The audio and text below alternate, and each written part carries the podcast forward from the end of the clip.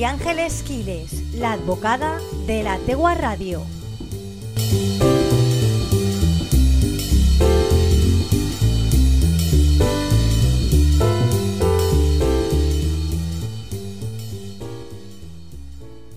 Muy buenas tardes, Elia, a ti y a todos los que nos escucháis. Es viernes, toca hablar de derecho.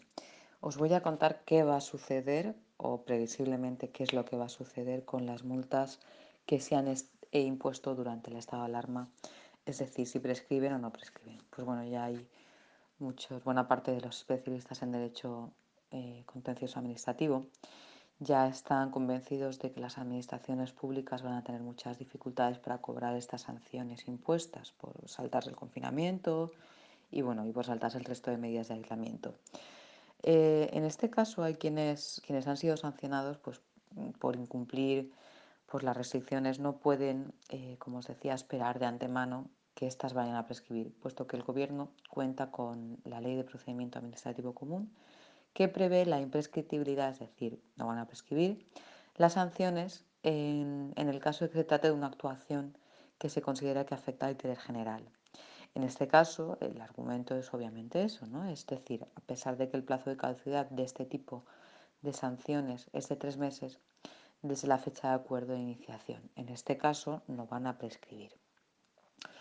Em, los abogados lo que, lo que vamos a hacer es basar nuestras previsiones de recurso posiblemente en torno a la inseguridad jurídica generada por la falta de definición de asuntos tan básicos como las propias situaciones penalizables por salir de casa. ¿no? Es, es decir, eh, la, la, normativa deja a la interpretación de los miembros de las fuerzas de orden público la oportunidad de sancionar o no, según su criterio personal. Y esto es algo que atenta, eh, vulnera lo, establecido en el artículo 27.4 de la Ley de Procedimiento Administrativo Común, que obliga a que la norma que define las infracciones y las sanciones no, se permita la aplicación por analogía con otras figuras sancionadas similares, es decir, no dejar arbitrio, es, hay un incumplimiento y lo hay, no, no hay que dejarlo al razonamiento de, las fuerzas y cuerpos de seguridad de Estado. Simplemente deciros que en un Estado democrático donde debe de imperar la ley, eh, como en España, pues el ciudadano tiene derecho a saber previamente cuál es el motivo de la sanción. Sin embargo, no se ha querido poner en marcha un régimen sancionador extraordinario como sería exigible.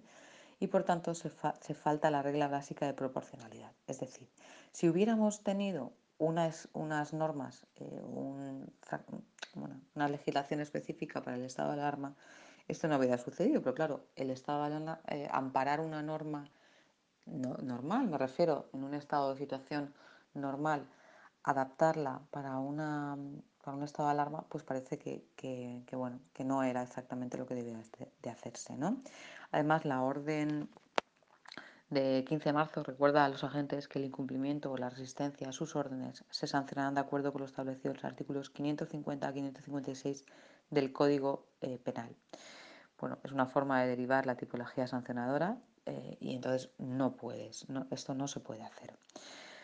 Eh, además, bueno, pues sí que se ha venido denunciando por parte de, especialistas en derecho constitucional, así lo hemos visto en la prensa, que lo que estábamos hablando era un estado de excepción encubierto, no un estado de alarma.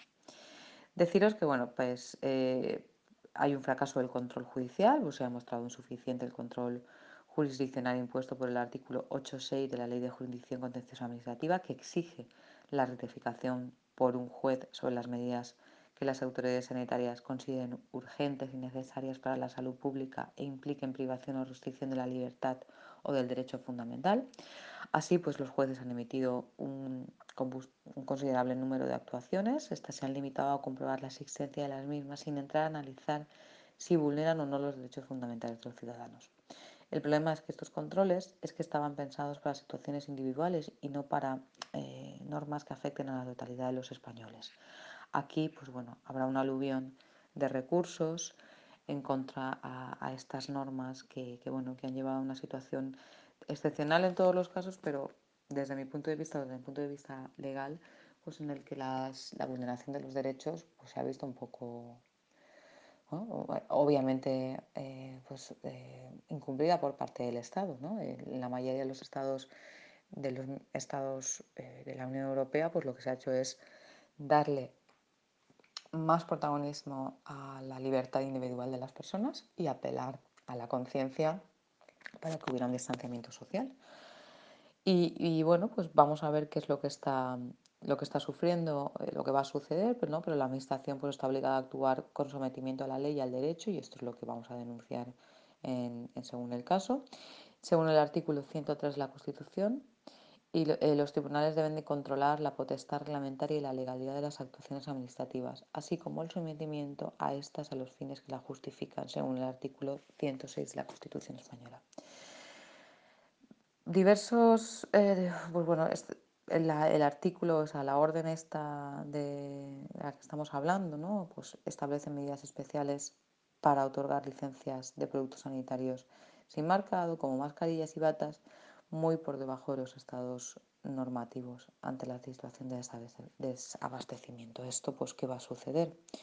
Pues como ya hemos visto, van a crecer pues los aluviones en base a la desprotección a la que se ha sometido a trabajadores eh, sanitarios, pero también a las personas que, que hemos acudido a los centros de detención, que hemos acudido a los juzgados y que hemos estado, o aquellos que han estado al pie del cañón durante toda la pandemia, y bueno, han sido mm, provistos, en el mejor de los casos, de mascarillas que ya se han denunciado que han sido defectuosas. Pues bueno, todas estas cosas van a salir poco a poco. Obviamente ha habido actuaciones que han sido correctas y esas no, no, pues no suponen ninguna ninguna vulneración de ningún derecho y no llegan a ningún sitio, pero sí que decir que la misión de, en este caso, de, los abogados o de las personas que nos dedicamos al mundo de la justicia es hacer prevalecer los, derechos. No, no está reñido estar en un estado de alarma y que hubiera eh, unos derechos totalmente protegidos y que no hubieran sido vulnerados. Existen medios más que suficientes para que esto no suceda. Sí que es cierto que es la primera vez que, nos enfrentamos ante una pandemia, pero eh, eso no puede ser excusa para que el derecho fundamental de las personas haya visto mermado, menguado o vulnerado alguna de las mareas. La obligación del Estado y la obligación de, todo el mundo es velar por un mundo en el que eh, existe justicia. Tú sabes que saltarte una norma te va a implicar una sanción, pero esa norma que te saltas tiene que ser coherente con el estado en el que nos encontramos.